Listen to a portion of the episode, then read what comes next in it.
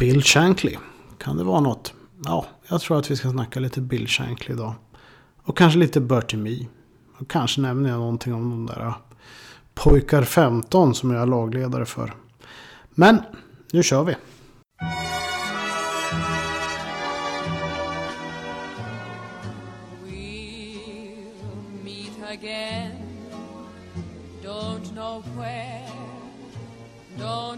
We'll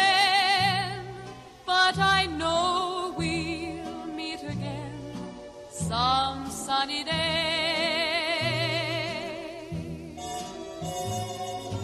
Keep smiling through, just like you always do till the blue skies drive the dark clouds far away.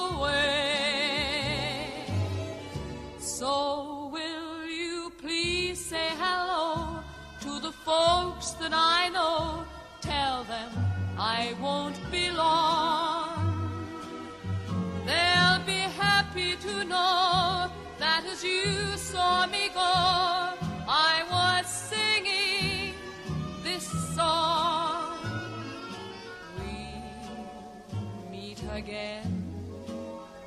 Don't know where, don't know when, but I sunny.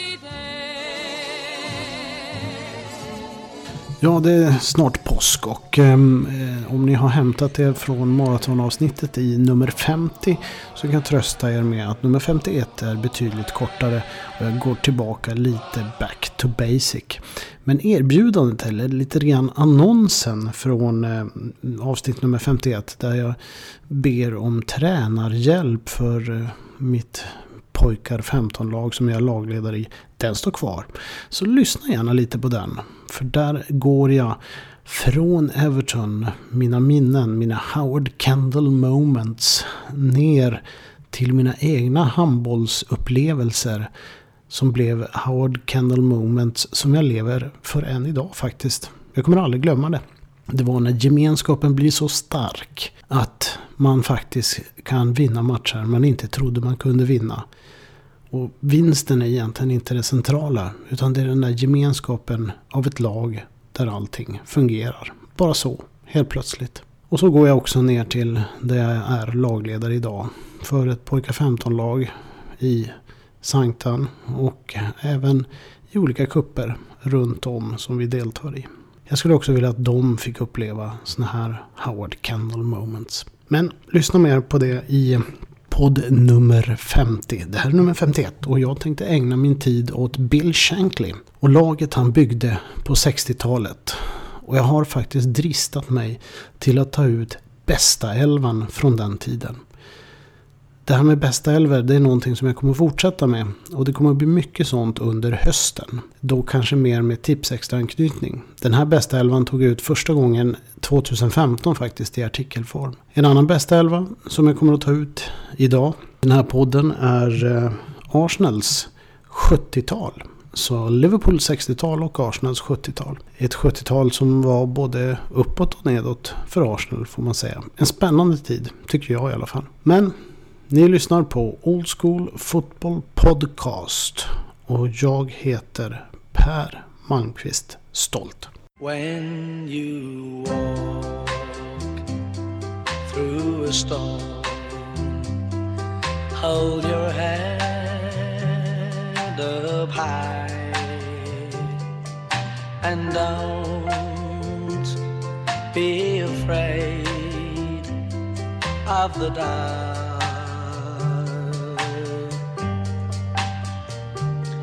At the end of a storm. There's a golden sky and the sweet silver sound of love. Walk on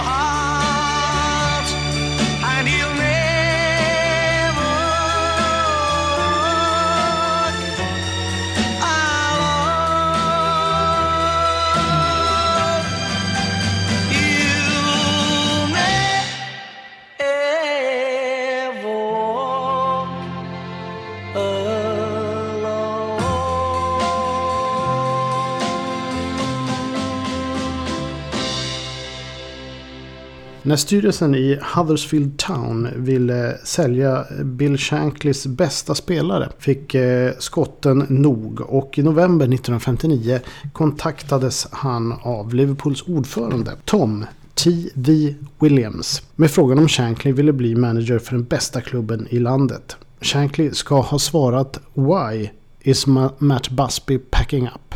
Jag har inga riktigt säkra källor på det här. En del påstår att han har sagt det, andra mm, säger att han inte har sagt det. Men det var ganska typiskt Bill Shankly med den här snabba kommentaren. Matt Busby hade ju där, eh, i slutet på 40-talet tagit över Manchester United som eh, 1959 var det stora laget i England tillsammans med Wolverhampton Wanderers får man väl ändå säga. Men Liverpool FC var sannerligen inte landets bästa klubb just då när Shankly skrev på i december 1959. Fem säsonger i division 2, det vill säga nuvarande The Championship, hade satt sina spår. Anfield och träningsanläggningen Melwood var under all kritik. Några stora pengar fanns ej heller. Shankly ville gärna ta med sig Dennis Law som han tränade i Huddersfield men eh, det fanns inga resurser matcher för någon sån värvning. Det dröjde till 1961-62 innan Liverpool tog hem division 2 och var åter i fotbollens finrum. Bill Shankleys väg mot odödlighet hade då börjat. Det finns givetvis extremt mycket att skriva om den karismatiska och extremt framgångsrika managern. Men Old School Football ska idag fokusera på att ta ut hans bästa elva under 60-talet.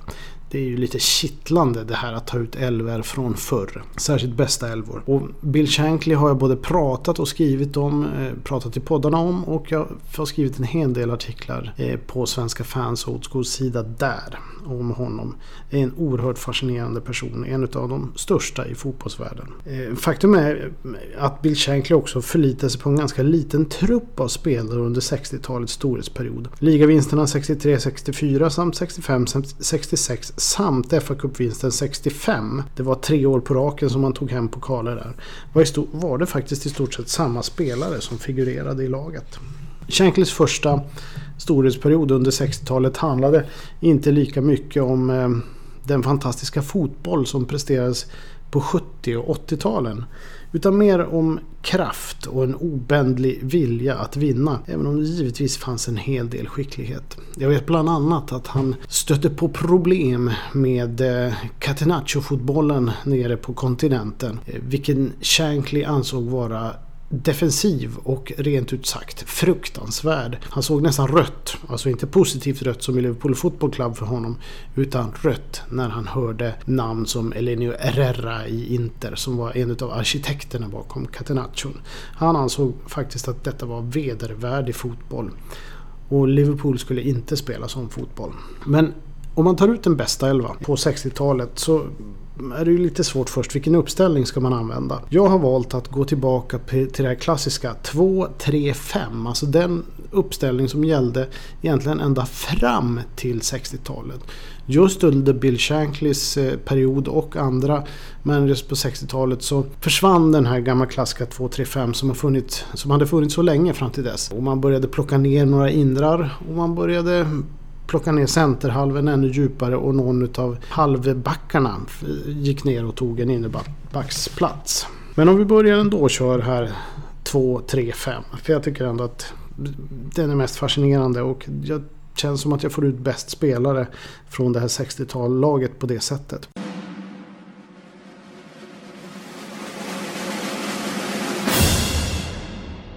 I mål eh, Tommy Lawrence. Tog sig in som första målvakt säsongen 62-63. Han höll även Ray Clemens utan, utanför laget under en längre period i slutet av decenniet faktiskt. Clemens anlände 1967 men det var först 1970 som han lyckades peta Lawrence. Och som de två backarna så har vi då Chris Lawler. Lawler kom till Liverpool 1960 som 19-åring och tog sig gradvis in i laget. Men från och med 1965 fick han anses som ordinarie och Lawler har gjort fyra landskamper för England och är en, en eh, klassisk eh, Liverpool-back. En fullback som det kallades på den tiden. En nummer två. Den andra backen var Jerry Byrne. Tufft val faktiskt här mellan Ronnie Moran, den nyligen bortgångne, och Jerry Byrne. Men eh, den senare får eh, faktiskt min röst. Två landskamper för England och även känd för att eh, efter en kollision med Leeds hårdföre Bobby Collins spelat fa Cup-finalen 1965 med brutet käkben. Bobby Collins förresten var en liten kille som spelade i Leeds och var kanske den som hjälpte Don Revy att först etablera Dirty Leeds, det vill säga det fullkomligt hänsynslösa spelet som många gånger präglade Leeds. Där man gjorde allt för att vinna. Det, om det så handlar om trash talk till fula tacklingar. Bobby Collins hade också förflutet i Everton och var en av de här små killarna som var stenhårda som kallades för Wee Barra. Ett elakt öknamn för dem. Det sades av Bobby Collins att om han gick förbi en träning med juniorer så hoppade han in och, och eh, kastade sig in i spelet och eh, tacklade ungefär som han gjorde på vanlig match. Men i detta Liverpool, Chris Lawler och Jerry Byrne som back backar. Och så kommer vi till centerhalven och den är rätt given. Ron Yates, alltså lagets ledare. Kolossen Yates som åtnjöt ett enormt förtroende hos Shankly. En av dem som var grunden till att framgångarna kunde börja i Shanklys lagbygge. Om man då tittar på halvbackar som spelar lite längre fram Eh, så har vi, eller på sidan om, centerhalven, beroende på lite hur man väljer. Så har vi Gordon Milne. Han hade ett bra samarbete med Jerry Byrne och även 14 landskamper för England. Samt Willie Stevenson. Tillsammans med Tommy Smith går Stevenson till historien för att ha kört över det fruktade och ofta brutala, återigen, Bobby Collins och Billy Bremner i FA-finalen mot Leeds 1965. Det var en, en händelserik final onekligen. Han miste sin plats, alltså Willie Stevenson miste sin plats till en viss Emlyn Hughes säsongen 67-68. Emlyn Hughes skulle sedermera bli lagkapten för, för Liverpool och en av de stora spelarna under 70-talet. Då han spelade under både Shankly och Bob Paisley. Så nu har vi de bitarna klara. Så går vi till eh, anfallet då. Och då är det ju fem anfallsspelare i den här klassiska uppställningen. Och längst till höger, Ian Callaghan, förstås en av de stora. Född i Toxteth och, bild, och spelade i Liverpool mellan 1960 och 1978. Hela 640 matcher. Under 60-talets framgångsrika år eh, plöjde han fram på högerkanten faktiskt. Senare blev han en innermittfältare mot slutet av karriären. Ironiskt nog så ehm, kom han inte med till VM 1966 tack vare att Sir Alf Ramsey inte trodde på naturliga yttrar i sin 4-3-3 uppställning som han körde på den tiden. Sen har vi då som inner, lite till, ännu längre in mot mitten men ändå till höger, Roger Hunt. I derbyt på Goodison Park hösten 1966 fick Evertons Ray Wilson och Roger Hunt löpa ärevarv med VM-bucklan. Merseyside var då regerande mästare i ligan och i FA-cupen.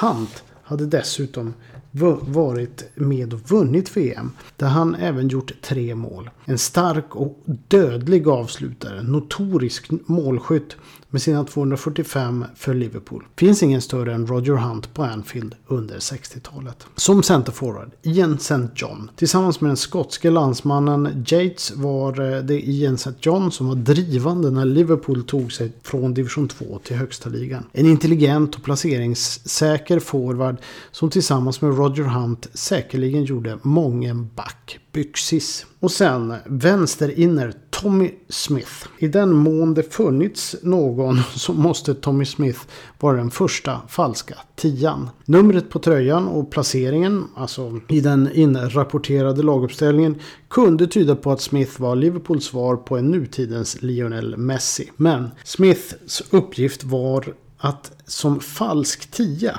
sjunka ner på mittfältet och rent konkret rensa upp så de andra fick spela boll. Oerhört nyttig i den ganska så brutala 60-talsmiljön. Sen längst till vänster, Peter Thompson, liraren i laget. En gammaldags ytter, teknisk och snabb, fick ihop till 16 landskamper för England. Men till såväl VM 66 som VM 1970 blev han bortvald i sista gallringen. Återigen så har vi det här med eh, Sir Alf Ramsays syn på ytterspelare. Vi har alltså då i mål Tommy Lawrence, backar Chris Lawler och Jerry Byrne, centerhalv Ron Yates, halvbackar Gordon Milne och Willie Stevenson. Anfallet från höger Ian Callahan, Roger Hunt, Ian St. John, Tommy Smith och Peter Thompson. Alltså inte illa får man väl erkänna här. Och så då de spelare som inte kom med men som ändå var med i, i min diskussion i mitt huvud när jag pratade med mig själv. Det var Ray Clemens, målvakten, som egentligen hade sin storhetstid på 70-talet. Ronnie Moran, backen. Mm, han kanske skulle ha varit med. Eh, Jimmy Milia, back. Geoff Strong, inner och back. Eh, Alf Aerosmith forward. Bobby Graham forward. Några spelare som också möjligtvis var där och, och kände lite grann på en plats i elvan. Sen hade vi givetvis Emlyn Hughes som var back och mittfältare. Kunde spela lite varstans. Men han hade också sin storhetsperiod när han var lagkapten på 70-talet. Alan A. Court, yttern och John Molyneux, en back. Johnny Wheeler, en halvback och Dick White som var back och centerhalv.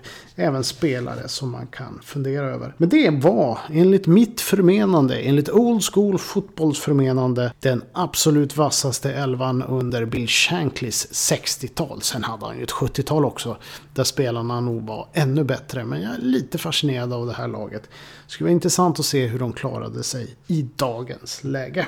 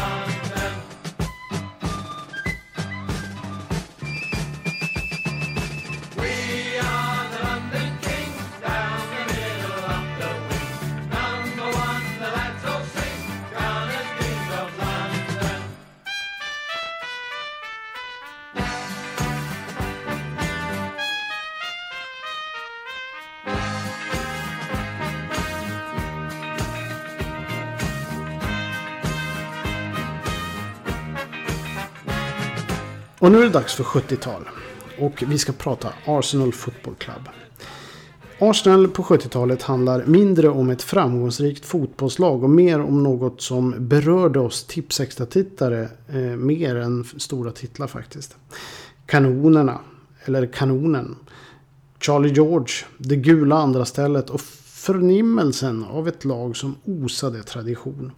Det var Arsenal för mig och säkerligen flertalet andra tipsextra-tittare under 70-talet. Laget var många gånger lika frustrerande som Charlie George själv, vilket inte minst Nick Hornby, författaren, givit uttryck för i sin bok Fever Pitch. En bok som var helt magisk när den kom i början på 90-talet. Det var den första boken, i alla fall jag läste, jag tror det var den första, som handlade om en fotbollssupporters egentligen en, en riktig galning, en nörd.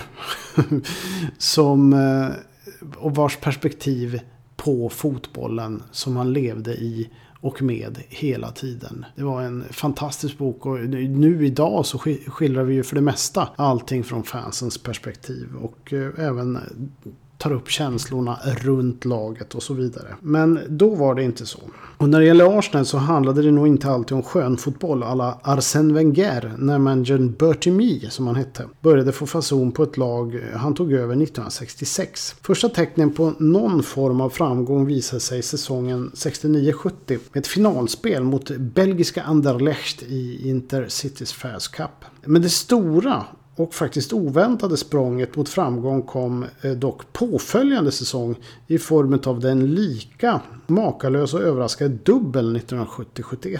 Alltså vinst i ligan och i FA-cupen på en och samma säsong var egentligen endast Bill Nicholsons Tottenham som lyckats med tio år tidigare. Eh, det vill säga 1960-61 och då med ett helt magiskt lag med Danny Blanchflower i ledningen. Så man ska vara medveten om den historiska prestationen här. Dubbeln hade endast Spurs tagit på 1900-talet på 1800-talet hade Preston North End tagit den en gång och jag tror även Aston Villa hann med en.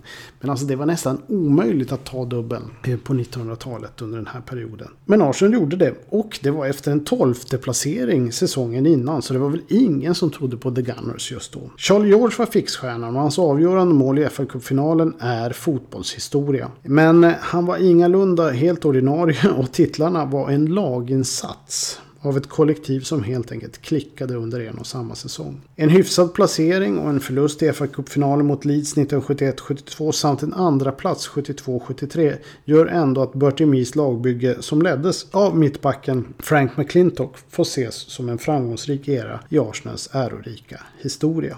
Därefter följde några år av elände får man väl ändå säga och det var först när Terry Neal tog över som manager som laget stabiliserade sig på övre halvan av tabellen. Dessutom lyckas man med konststycket med tre fa Cup-finaler på raken vilket är väldigt ovanligt. 1978, 79 och 80. Enda gången det fick lyfta bucklan var 1979 efter en klassisk final mot Manchester United där Arsenal bara skulle spela av en 2-0-ledning med fyra minuter kvar att spela. Nota bene, fyra minuter. Men United gick upp till 2-2 i slutet. Och Eh, det såg ut att allting skulle gå till förlängning. Arsenals Alan Sunderland ville dock något annat. Avgjorde i den allra sista spelminuten. Och det var ju Liam Brady som drog upp anfallet som gjorde att Alan Sunderland kom fri. Och Liam Brady var också finalens store hjälte får man säga. Den här ele irländske eleganten. Eh, och samma gäng förlorade även cupfinalen 1980 på straffar mot spanska Valencia.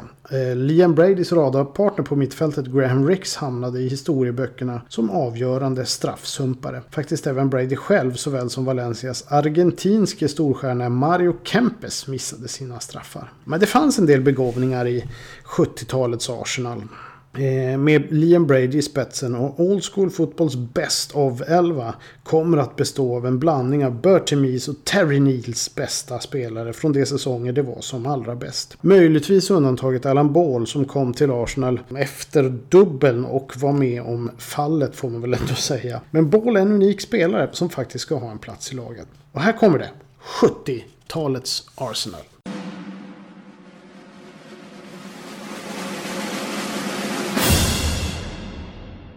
Jag har valt en 4-4-2 uppställning och det är med en målvakt Pat Jennings. En oerhört svårt val mellan Bob Wilson och nordirländske Pat Jennings. Först valde jag Wilson då han ändå var målvakt i dubbelvinnarlaget. Men Jennings är ändå en av världens allra bästa målvakter under slutet av 70-talet. Och frågan var om Wilson någonsin var det. I backlinjen Pat Rice högerback. Spelade nästan 400 matcher för Arsenal från 67 till 80. Den enda i detta lag som var med i dubbelvinnarlaget såväl som i slutet av 70-talet.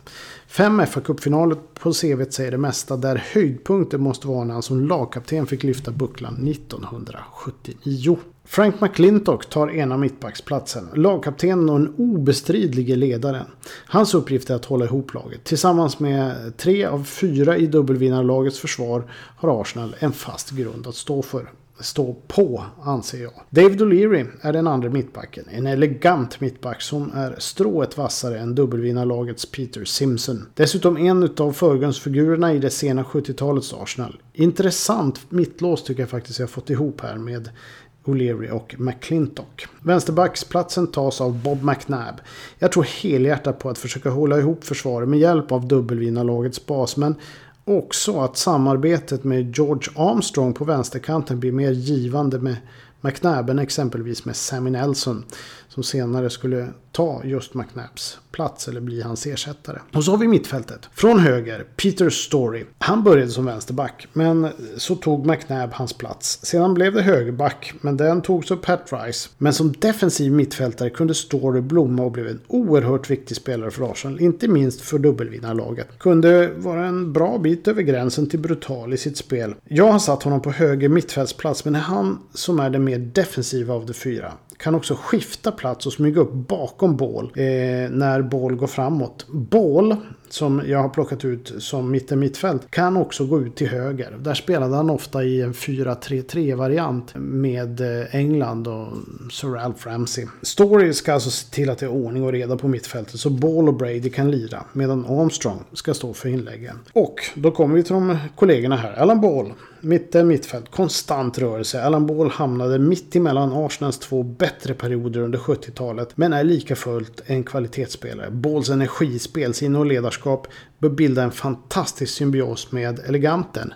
Hans kompis på mitten mittfält, Liam Brady. Liam Brady är en gudabenådad vänsterfot på en irländare som är en av få brittiska undantag att också göra ett gott avtryck i eh, den italienska ligan. Brady är den som ska stå för framspelningen och länka upp med Alan Ball och Charlie George. George Armstrong spelar ute till vänster. Yttern spelade 500 matcher för Arsenal mellan 61 och 77. Användbar både till höger och vänster och en tillgång tack vare en outtröttlig löpvilja längs flanken samt förmåga att slå de inlägg som anfallarna behöver. Det är då hård konkurrens med Graham Ricks på denna plats faktiskt kan man väl säga. Eller hård och hård. Mm.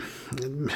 Ricks och eh, Brady hade ett unikt samspel sinsemellan men jag tror ändå att Armstrongs kvaliteter överväger. Framförallt för att ge centerforwarden de inlägg han vill ha. Och då kommer jag till forwardsuppsättningen. Det är två stycken.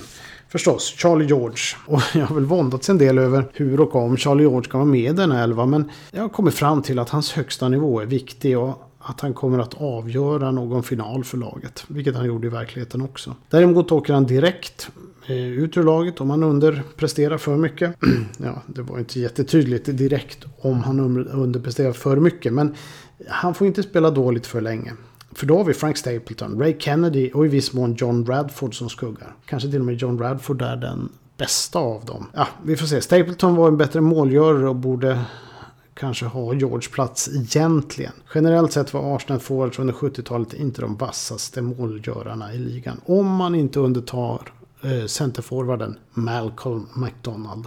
Supermac. Han gjorde kanske ingen lysande karriär i The Gunners och skadan som förstörde allt ledde istället till Djurgården för några matcher. Men han har ändå ett snitt på drygt 0,5 mål per match i Arsenal. Dessutom samma snitt i de klubbar han representerat innan. Det går inte att bortse ifrån att Kahn var en lysande målgörare. En stor och stark spelare som kan komplettera George som nog vill sjunka ned något bakom. Supermac leder linjen och inväntar Armstrongs inlägg samt Bradys framspelningar. Näst bäst målsnitt har Frank Stapleton och Ray Kennedy på runt 0,33. Därefter Radford 0,31, Alan Sunderland 0,27, George Graham 0,26 och Charlie George på relativt bleka 0,23. Ja, det är mitt lag och jag repeterar idag. I mål, Pat Jennings. En fyrbackslinje bestående av eh, från höger Pat Rice, Frank McClintock, David O'Leary och Bob McNabb. Ett mittfält från höger Peter Story, Alan Ball, Liam Brady, George Armstrong